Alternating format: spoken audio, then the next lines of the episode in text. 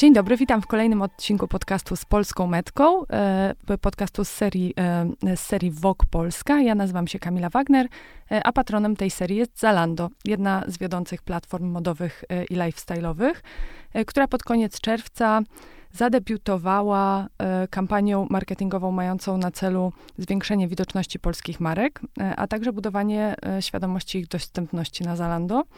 E, w kampanii uchwyconej na ulicach Warszawy znalazł się asortyment e, polskich najpopularniejszych e, topowych brandów, a my z tej okazji tym brandom się przyglądamy.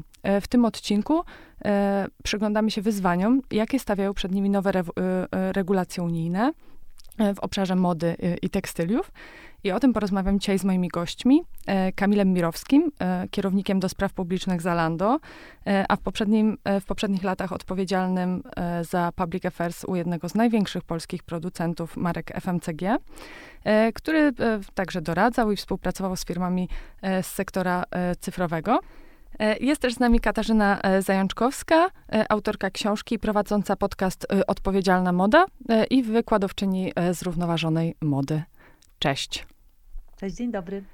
E, słuchajcie, e, spotykamy się w, e, no, w takim momencie, no, wydaje się, kiedy branża mody przechodzi gigantyczną zmianę, no ale też ta odpowiedzialność z konsumentów trochę przesuwa się na organy ustawodawcze, e, na, na autorów e, regulacji. Unia Europejska wprowadziła w ostatnich latach szereg do, dokumentów, które mają na celu e, no, jakieś ustrukturyzowanie tej branży i też zachęcenie, a właściwie zmuszenie marek do odpowiedzialnego rozwoju i trochę, trochę innej produkcji. Jakie z tych regulacji są z Waszego punktu widzenia kluczowe? Rzeczywiście ten ciężar mm, dyskusji w ostatnim czasie przeniósł się na producentów, przeniósł się także na sprzedawców, takich jak Zalando, ale on się przeniósł dlatego, że w ciągu ostatnich lat dyskusja na temat zrównoważoności, czy też umówmy się, dyskusja na temat wizji katastrofy klimatycznej przeniosła się z konsumentów na ich oczekiwania wobec innych partnerów, którzy są w stanie to wypełnić. Konsumenci dzisiaj wiemy, że oczekują coraz więcej oczekują coraz wyższych standardów od firm, e, ale także doceniają swoją rolę. To znaczy uważają, że ich odpowiedzialne, indywidualne decyzje mają jakikolwiek wpływ na to, co się będzie dziać. Rzeczywiście regulatorzy są świadkiem tej dyskusji, jak, jak zazwyczaj politycy, którzy obserwują tematy, którymi trzeba się zająć, które są rosnące, które są jakimiś rodzaj, rodzajami wyzwań. W związku z tym rzeczywiście na podstawie tych dyskusji powstają obecnie regulacje. Ale zacznę może od tego, że chyba kluczowe jest to, że regulacje powstają dlatego, że potrzebna jest systemowa zmiana. Potrzebne jest nowe podejście, obowiązki, ale także uprawnienia, które pozwolą wszystkim podmiotom grać na tym samym boisku regulacyjnym.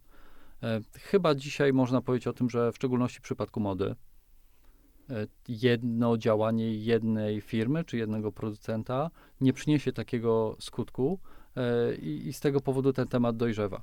Dzisiaj mogę powiedzieć o tym, że w ogóle temat zrównoważonego rozwoju, samego pojęcia jest niezwykle ciekawy.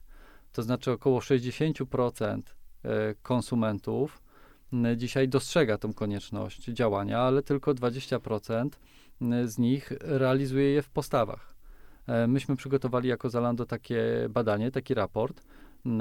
On się nazywa Attitude Behavior Gap Report, czyli dotyczy właśnie tej luki którą dzisiaj obserwujemy u konsumentów pomiędzy postawami, tym co chcieliby robić, a działaniami. No bo mówmy się, że jeżeli chodzi na przykład o cenę, albo jeżeli chodzi o jakość produktu, to większość konsumentów mówi, że ona jest dla nich ważna i rzeczywiście deklarują też, że będąc w sklepie, patrząc na metki, też oceniają te rzeczy. Natomiast już jeżeli patrzymy na takie rzeczy jak dobrostan pracowników, albo możliwość recyklingu, albo z czego ten produkt powstał i skład, no to już rzeczywiście się to zmienia.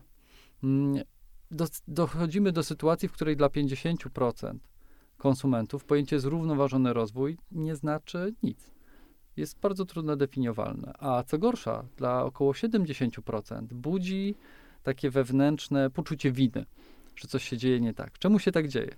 Dzieje się tak dlatego, że samo pojęcie jest niezwykle szerokie i pojemne i bardzo trudno jest konkretyzować, E, a z drugiej strony nie ma jednolitej metodologii, według której można by było coś porównywać.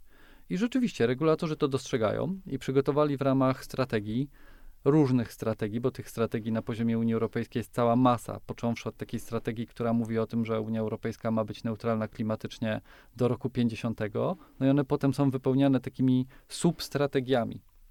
Drugą taką częścią jest strategia tej akcji klimatycznej, która dotyczy albo lepszego wykorzystywania metod produkcji, wykorzystywania surowców, albo gospodarki obiegu zamkniętego, czyli tego, w jaki sposób zagospodarować to życie produktu po tym, jak on już skończy, skończy się to życie i może wrócić z powrotem, ale także nowych modeli biznesowych. Jak wiecie, dzisiaj technologia pozwala na naprawdę dużo i chyba wydaje się, że w ogóle cyfryzacja jest jedną z takich kluczowych odpowiedzi na to wyzwanie, przed którymi wszyscy stoimy. Jakie marki mają czas, e, by się na to e, przygotować? Wiem, że te regulacje wchodzą w jakichś e, etapach i transzach, no ale to, to, to jest wielka zmiana zarówno na poziomie produkcji, jak i komunikacji. O, ja, o, jakim, o jakim czasie tutaj mówimy? Przed nami co najmniej kilka lat bo prawo, które powstaje na poziomie Unii Europejskiej, powstaje często jako taka wskazówka dla kraju i wtedy kraj członkowski, na przykład Polska, musi sobie przyswoić to, co Komisja chce osiągnąć, co Europa chce osiągnąć i zaplanować swoją regulację, która znowu ma swój czas. Więc mówimy naprawdę o co najmniej kilku latach. Pewnie w niektórych przypadkach będzie to szybciej, mowa o dwóch, latach. Natomiast e, warto pamiętać o jednym: nie dotyczy to tylko branży modowej, dotyczy to wszystkich. I trochę pytanie, jak te ogólne założenia, te ogólne przepisy znajdą swoje odzwierciedlenie właśnie w przypadku bardzo konkretnych wyzwań tej naszej branży modowej. Mamy na pewno czas, ale dobre jest pytanie, jak się można przygotować. Szczerze, można już zacząć dzisiaj. Nic nie stoi na przeszkodzie. No tak, zresztą e, z tego co wiem, to wiele marek zaczęło te przygotowania już dawno. Część z nich, e, mówię e, głównie o dużych brandach europejskich, które gdzieś tam funkcjonują globalnie, brały udział również w konsultacjach do tych regulacji. I już na tym etapie, jeszcze nie znając ich finalnego kształtu, jakoś e, te nowe e, działania planowały. No bo pewnie mamy tutaj do czynienia w przypadku marek globalnych no z takim no, no, dłuższym cyklem, jeśli chodzi o wprowadzanie takich zmian. Na pewno łatwiejsze to jest dla marek, które działają w małej skali. Kasiu? Myślę, że tutaj w ogóle największym wyzwaniem jest moim zdaniem zmiana tego tak zwanego mindsetu. I to nie, nie musi i nawet nie powinno dotyczyć jedynie działów projektowych, bo pamiętajmy, że y, ten wpływ y, produktu, nie tylko tekstyliów, ale tutaj no, skupiamy się na tym, wpływ tekstyliów, y, ubrań, butów, dodatków na, na świat, na przyrodę, na ludzi, on w 80% zależy od decyzji, które podejmowane są w dziale projektowym. No ale jeśli pracuję z markami, konsultuję tą ich taką zieloną transformację, bo pamiętajmy, że to jest na pewno proces, to nie jest, y, to nie jest kwestia jednej decyzji, to nie jest kwestia jednego sezonu, y, no to zawsze przychodzi taki moment, kiedy musimy sobie powiedzieć, że to przejście z procesu takiego linearnego projektowania na projektowanie, na ekoprojektowanie, na, na zamykanie obiegu, to jest e, taka zmiana, zmiana fundamentalna, która musi się odbyć e, także w głowach zarządów, prezesów. My musimy w ogóle zrozumieć, dlaczego to jest tak istotne i że to no, chodzi o coś więcej niż tylko e, regulacje i potencjalne kary, bo wiemy też o tym, że, że te zmiany będą wtedy wiążące i wszyscy do nich podejdą no, rzetelnie, jeśli będzie będzie jakiś przepis, który można y, wyegzekwować, nie, nie, będzie to martwe prawo, albo nie będzie to jakaś sugestia czy,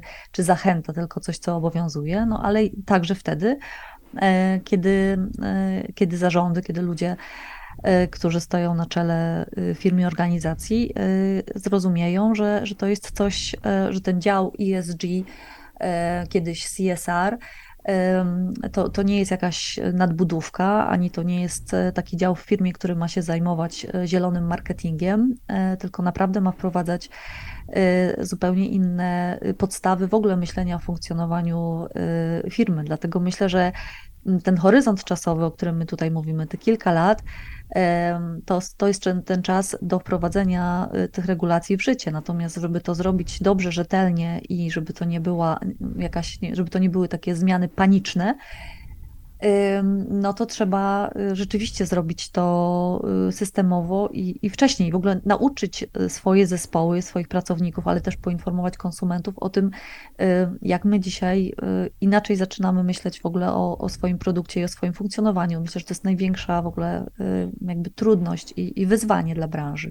No tak, bo w zasadzie Wydaje się, że jedyny sposób, e, żeby e, sprawnie przeprowadzić ten proces, to wszyć w ogóle zrównoważony e, rozwój w taką podstawę swojej działalności. Co dla wielu marek na pewno oznacza po prostu zupełną zmianę myślenia i funkcjonowania. Ale może ten język E, problemów do rozwiązania, przewróćmy trochę na stronę korzyści dla tych, e, dla tych prezesów. Co, e, co firmy mogą uzyskać chętnie wchodząc w ten, w ten zrównoważony sposób myślenia o, o swoich firmach? Mhm. Myślę, że tutaj jest cała lista takich korzyści. Począwszy od tego, że musimy zdać sobie sprawę, że kryzys klimatyczny, on i tak będzie zmieniał łańcuchy dostaw. To znaczy, jeśli na przykład w Bangladeszu nie będzie śniegu, to nie będzie wody, to nie będzie tyle bawełny i ta bawełna już nigdy nie będzie tak tania i dostępna jak teraz, w takim dużym skrócie. Więc kryzys klimatyczny, który jest y, główną przyczyną tych wszystkich regulacji unijnych, bo tak naprawdę naszym nadrzędnym celem w, w, zmienianie, w zmienia, zmieniania mody i każdej innej branży jest y, po prostu spowolnienie wzrostu temperatury na świecie, a tym samym no, po prostu bezpieczna przyszłość nas wszystkich, bo nie da się od tego uciec i, i nie wykupimy się y, od tych zmian klimatu niczym tak naprawdę. Więc e, w momencie, kiedy my zrozumiemy, że i tak zmiany są jakby nieuniknione, no to firmy, które dzisiaj e, zrozumieją, na czym polega cyrkularność, mogą chociażby zmienić trochę swój model działania i na przykład wkomponować drugi obieg e, w swój model biznesowy, czyli na przykład już nie oddawać drugiego obiegu osobnym podmiotom, typu, nie wiem, mniejszym lub większym lumpeksom albo platformom służącym e, od sprzedaży, tylko, tylko zarabiać na odsprzedaży swoich używanych ubrań. Tak? E, to, może być, to mogą być inwestycje na przykład w recykling, czyli duża firma, która bardzo dużo produkuje i niedługo będzie musiała ponieść odpowiedzialność za te wyprodukowane, produkowane przez siebie tony przyszłych odpadów będzie, będzie mogła e, a, i będzie to wskazane, rozwijać też technologie, które pozwolą e, nie tylko przedłużać życie tym swoim produktom, a tym samym odpowiadać za mniejsze ilości odpadów, ale też e, w odpowiedzialny sposób po prostu cyrkularnie tym, co produkuje, jakby obracać i być może umożliwiać też takie usługi recyklingu na przykład innym podmiotom z branży. Więc myślę, że to, to jest, już nie mówiąc o mm, czymś tak prostym jak to zielone finansowanie, czyli tylko marki E, czy firmy, które będą e, potrafiły udowodnić, że te inwestycje, które chcą e, przeprowadzić, nie będą miały negatywnego wpływu na środowisko. No i będzie tutaj też jakby sprzężony ten cały system finansowania, czyli biznesy nieodpowiedzialne i niezrównoważone nie będą miały dostępu na przykład do bankowych kredytów i tak dalej. Więc no, jeśli ta zielona transformacja ma się udać, to ona uda się tylko wtedy, kiedy rzeczywiście będzie opłacalna i korzystna też ekonomicznie i Unia Europejska o tym na szczęście wie. Ale mogą zyskać też uwagę konsumentów, uwagę Jasne. i lojalność konsumentów. Stworzenie jednolitej metody, jednolitego pola, w którym konsumenci mogą porównywać między sobą rzeczy, ale też niekoniecznie według po prostu jakichś takich zielonych, bardzo górnolotnych aspektów, ale takich bardzo konkretnych. To znaczy, czy to powstało przy użyciu, mm, zachowaniu dobrostanu zwierząt, albo odwrotnie, czy ten e, artykuł powstał z recyklingu, czy się nadaje i w jakich warunkach do recyklingu, e, albo może powstał w wyniku nowych technologii, a może pracownicy w ramach produkcji tego mieli godne warunki pracy. Porównując to według bardzo konkretnych aspektów wartości, będą mm, częściej pewnie sięgać po te rzeczy, one mogą być wyróżnione i konsumenci mogą po prostu podejmować lepsze indywidualne decyzje, takie, jakim się podoba. Więc wbrew pozorom wydaje się, że ten kierunek, w którym to pole się wyrównuje I coś, o czym ty, Kasiu, powiedziałaś, czyli o tym zielonym marketingu. To wbrew pozorom ten marketing dopiero nabiera, prawda? Nabiera takiego znaczenia. E, myśmy robili takie ćwiczenie u siebie na Zalando jakiś czas temu, bo chcę jeszcze zaznaczyć, że to jest podróż. Znaczy to, to się nie zacznie w dniu pierwszym i, i, i skończy regulacjami te, te aspekty na siebie wpływają. Myśmy rok temu umożliwili konsumentom wyszukiwanie właśnie wedle takich konkretnych wartości i to był pierwszy krok na tej drodze, którą zrobiliśmy, ale też postanowiliśmy iść dalej i zrezygnowaliśmy z, na Zalando z takiej ogólnej zielonej flagi, która oznaczała te artykuły, na rzecz bardzo różnorodnych ikon, które mają precyzować, dlaczego konsument powinien być zainteresowany tym aspektem. Co więcej, zaczęliśmy jako Zalando oznaczać artykuły, które są artykułami naszych partnerów, niewyprodukowane przez nas, na podstawie danych, które, które ci partnerzy nam przekazali. Mamy dzięki temu świadomość tego, że możemy w lepszy sposób udokumentować albo potwierdzić właśnie zgodność informacji, które podajemy, z uznanymi międzynarodowymi metodologiami, certyfikatami. Liczymy też, że dzięki temu konsumenci będą po prostu wracać do nas, bo wiedzą, że u nas ta informacja jest podana w sposób najbardziej precyzyjny, ale także angażujący, bo myślę, że tutaj e, jest szczególnie ważne zachowanie takiego balansu pomiędzy tym, co angażuje konsumenta i konsument łatwo zrozumie, a zasypywaniem konsumenta tabelami, danymi, certyfikatami, w której, mówiąc prawdę, będzie miał problem w odnalezieniu się, jeżeli chodzi o zakupy. I chyba ten balans jest najtrudniejszy do osiągnięcia, czy z punktu widzenia biznesu, marketingu, czy też z punktu widzenia regulacji. No z drugiej strony też e, taki e, pośrednik sprzedaży, e, jak wy, jak rozumiem, dostarcza dodatkową wartość dla konsumenta, bo te informacje weryfikuje i selekcjonuje, więc więc no, no już trochę zdejmuje też odpowiedzialność z konsumenta e, z przeszukiwania e, tych danych, które, no, szczerze mówiąc, dla przeciętnej osoby są po prostu e, nieczytelne, trudne do zrozumienia. E, no i też jednak czas jest jakimś ważnym parametrem. Jeżeli nie zdejmiemy tej odpowiedzialności z konsumenta, to albo nic nie jest zrównoważone, albo wszystko jest zrównoważone i dokładnie te dwa aspekty prowadzą do tego samego zjawiska. Nie ma to znaczenia. Czy faktycznie obserwujecie, że te czynniki, e, no, którymi marki zaczynają się z wami e, dzielić, że e, o, nie wiem, redukcji na przykład CO2, czy o jakiejś produkcji z uwzględnieniem praw pracowniczych, jakikolwiek parametr zrównoważenia to weźmiemy pod uwagę, czy one stanowią jakiś czynnik w kreowaniu tej przewagi E, konkurencyjnej nad innymi markami na tym, e, na tym etapie, czy my jako konsumenci dopiero, e, dopiero się uczymy dostrzegać w tym wartość? Pewnie zależy od rynku i pewnie zależy od konsumenta, ale dzisiaj nie mam żadnych danych, którymi mógłbym to poprzeć. Mogę jedynie powiedzieć, że jest to pewien rodzaj reakcji na oczekiwania konsumentów i też na oczekiwania regulatorów. Te dwa systemy so, są ze sobą powiązane i one do nas przyjdą. Mamy wrażenie, że im bardziej precyzyjnie, im lepiej będziemy w stanie przekazać te informacje, ale także w angażujący, prosty, czytelny sposób, e, tym lepiej dla konsumentów, a to, co dobre dla konsumentów, e, dobre dla nas.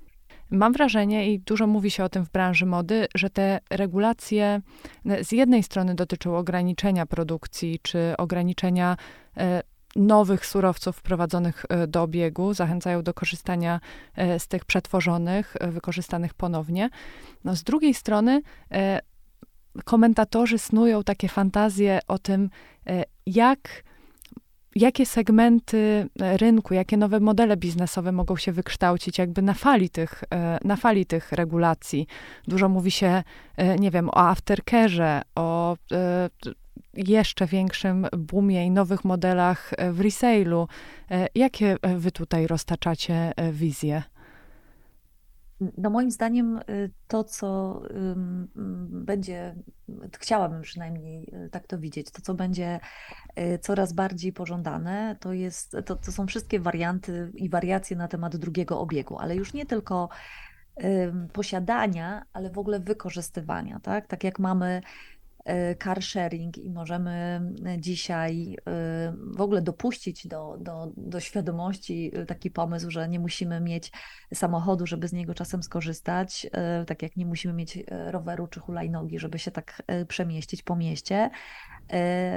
Ten sposób myślenia wchodzi też do, do mody i są już takie modele E, biznesu, w którym my możemy mm, mieć, e, nie wiem, spodnie w leasingu albo wypożyczyć e, ubrania. Kiedyś dotyczyło to tylko mody wizytowej. Dzisiaj tak naprawdę możemy korzystać w, w dowolnej okazji, w dowolnych okolicznościach z tego, z tego jakby cieszyć się tą, tą, tą modą, bo chciałabym, żeby to, zwłaszcza w podcaście Vogue, ta nasza rozmowa nie zabrzmiała jako, jako jakaś negacja tego wszystkiego, co, co nam daje korzystanie z ubrań mody. Myślę, że jak wszyscy tutaj jesteśmy, to, to każdy z nas gdzieś tą stroną i strefą rzeczywistości, sferą jest zainteresowany i, i, i potrafi docenić wartość, jakie ubrania i dodatki, te ulubione rzeczy wnoszą nasze życie, ale faktycznie y, no, mm, myślę, że samo mm, gdy, ubra, gdy ubraniom przywrócimy wartość, gdy będziemy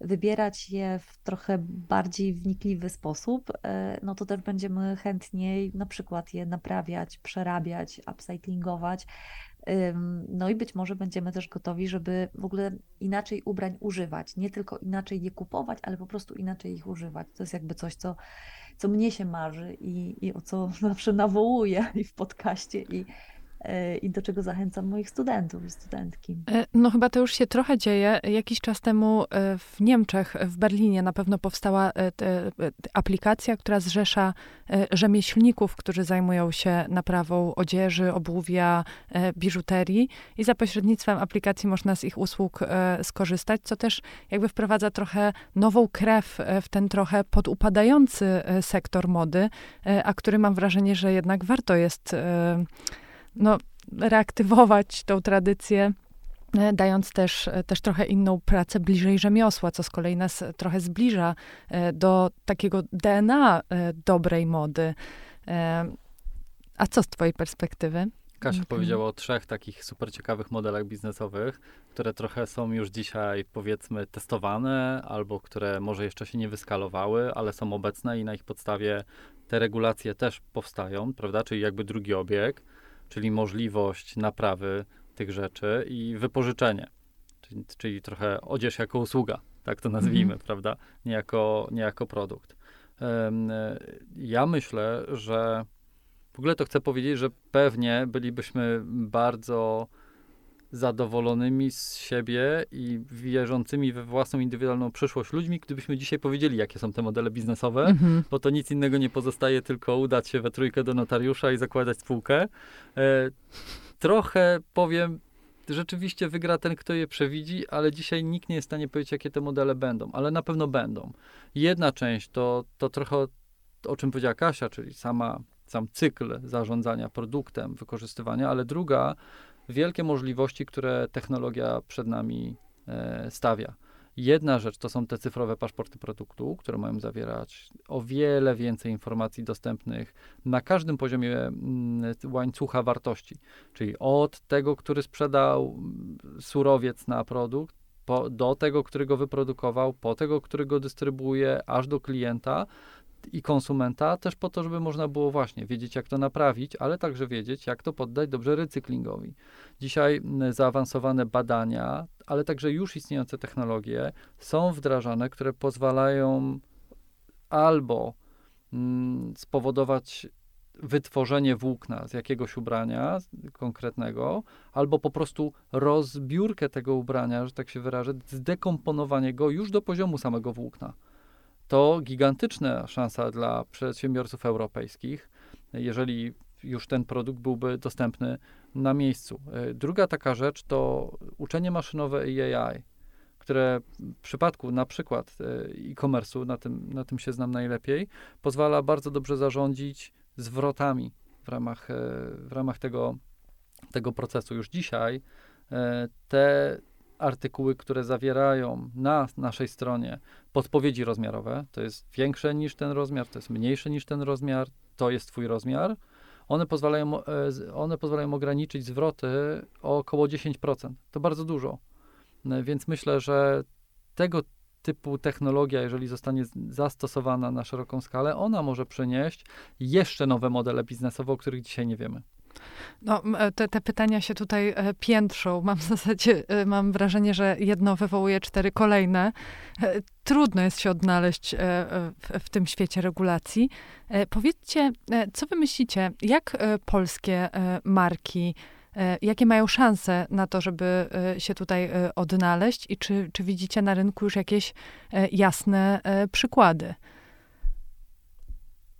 No ja myślę, że to, co y, warto podkreślić, to to, że y, nam się mm, w Polsce udało zebrać, y, myślę, w całkiem zacnym gronie. Stworzyliśmy pod auspicjami ONZ i taki okrągły stół dla zrównoważonej mody i tam przyglądamy się tym regulacjom i propozycjom regulacji unijnych i też myślę tłumaczymy je właśnie polskiemu sektorowi mody y, w taki sposób, aby nie tylko ci duzi, najwięksi, którzy mają właśnie całe zespoły, y, które mogą się nad tymi regulacjami y, pochylić, ale też małym, średnim firmom, ale nawet szwalniom, właśnie małym markom, żeby tłumaczyć te zmiany i ten, te, te, tą transformację, która no jest nieunikniona. Tak? To, jak ona będzie Y, głęboka, na ile będzie, mm, jakby to powiedzieć, sprawiedliwa, y, inkluzywna, y, to oczywiście jak zwykle diabeł tkwi w szczegółach, a konkretnie w aktach delegowanych, które będą po prostu precyzować te wszystkie ogólne zapisy. Ja z kolei mam wrażenie, że e, e, polskie marki, e, te, te mniejsze, te, które jednak gdzieś tam osiągają taki sukces oparty też na, na komunikacji i marketingu właśnie, dają jakiś taki dobry przykład, bo chwalą się swoimi dążeniami do tej lepszej produkcji. Ja bym powiedział, że Polska, tak patrząc z lotu ptaka, jak się ją porówna z resztą Unii Europejskiej, jest jednym z najlepiej scyfryzowanych rynków rozwiązania, które Polacy traktują tak naturalne jak powietrze, są rzeczywiście oceniane jako kompletna rewolucja na zachodzie Europy. My się potrafimy, też jako przedsiębiorcy, bardzo szybko dostosowywać do zmieniających się okoliczności i wykorzystywać te szanse. Z drugiej strony, Polska jest dzisiaj jedenastym eksporterem mody na świecie. To wcale niezła pozycja. Komisja Europejska e, ocenia, że w, w, w Unii Europejskiej będzie, rósł, będzie rosła wartość z sprzedaży przez e-commerce w e, najbliższych latach. Także przede wszystkim, jeżeli chodzi o branżę mody, to tworzy przed polskimi markami szansę dotarcia do konsumentów nie tylko na rodzimym rynku, ale wszędzie indziej. I myślę, że ta rewolucja, którą przygotowują w tym momencie regulatorzy w Unii Europejskiej będzie mogła stanowić taki impuls dla polskich marek, żeby właśnie zdobyć na tej podstawie nowych klientów, dostosować się, zdobyć zaufanie i rozpoznawalność. Więc ja co do przyszłości, Kasiu, jestem absolutnie optymistą.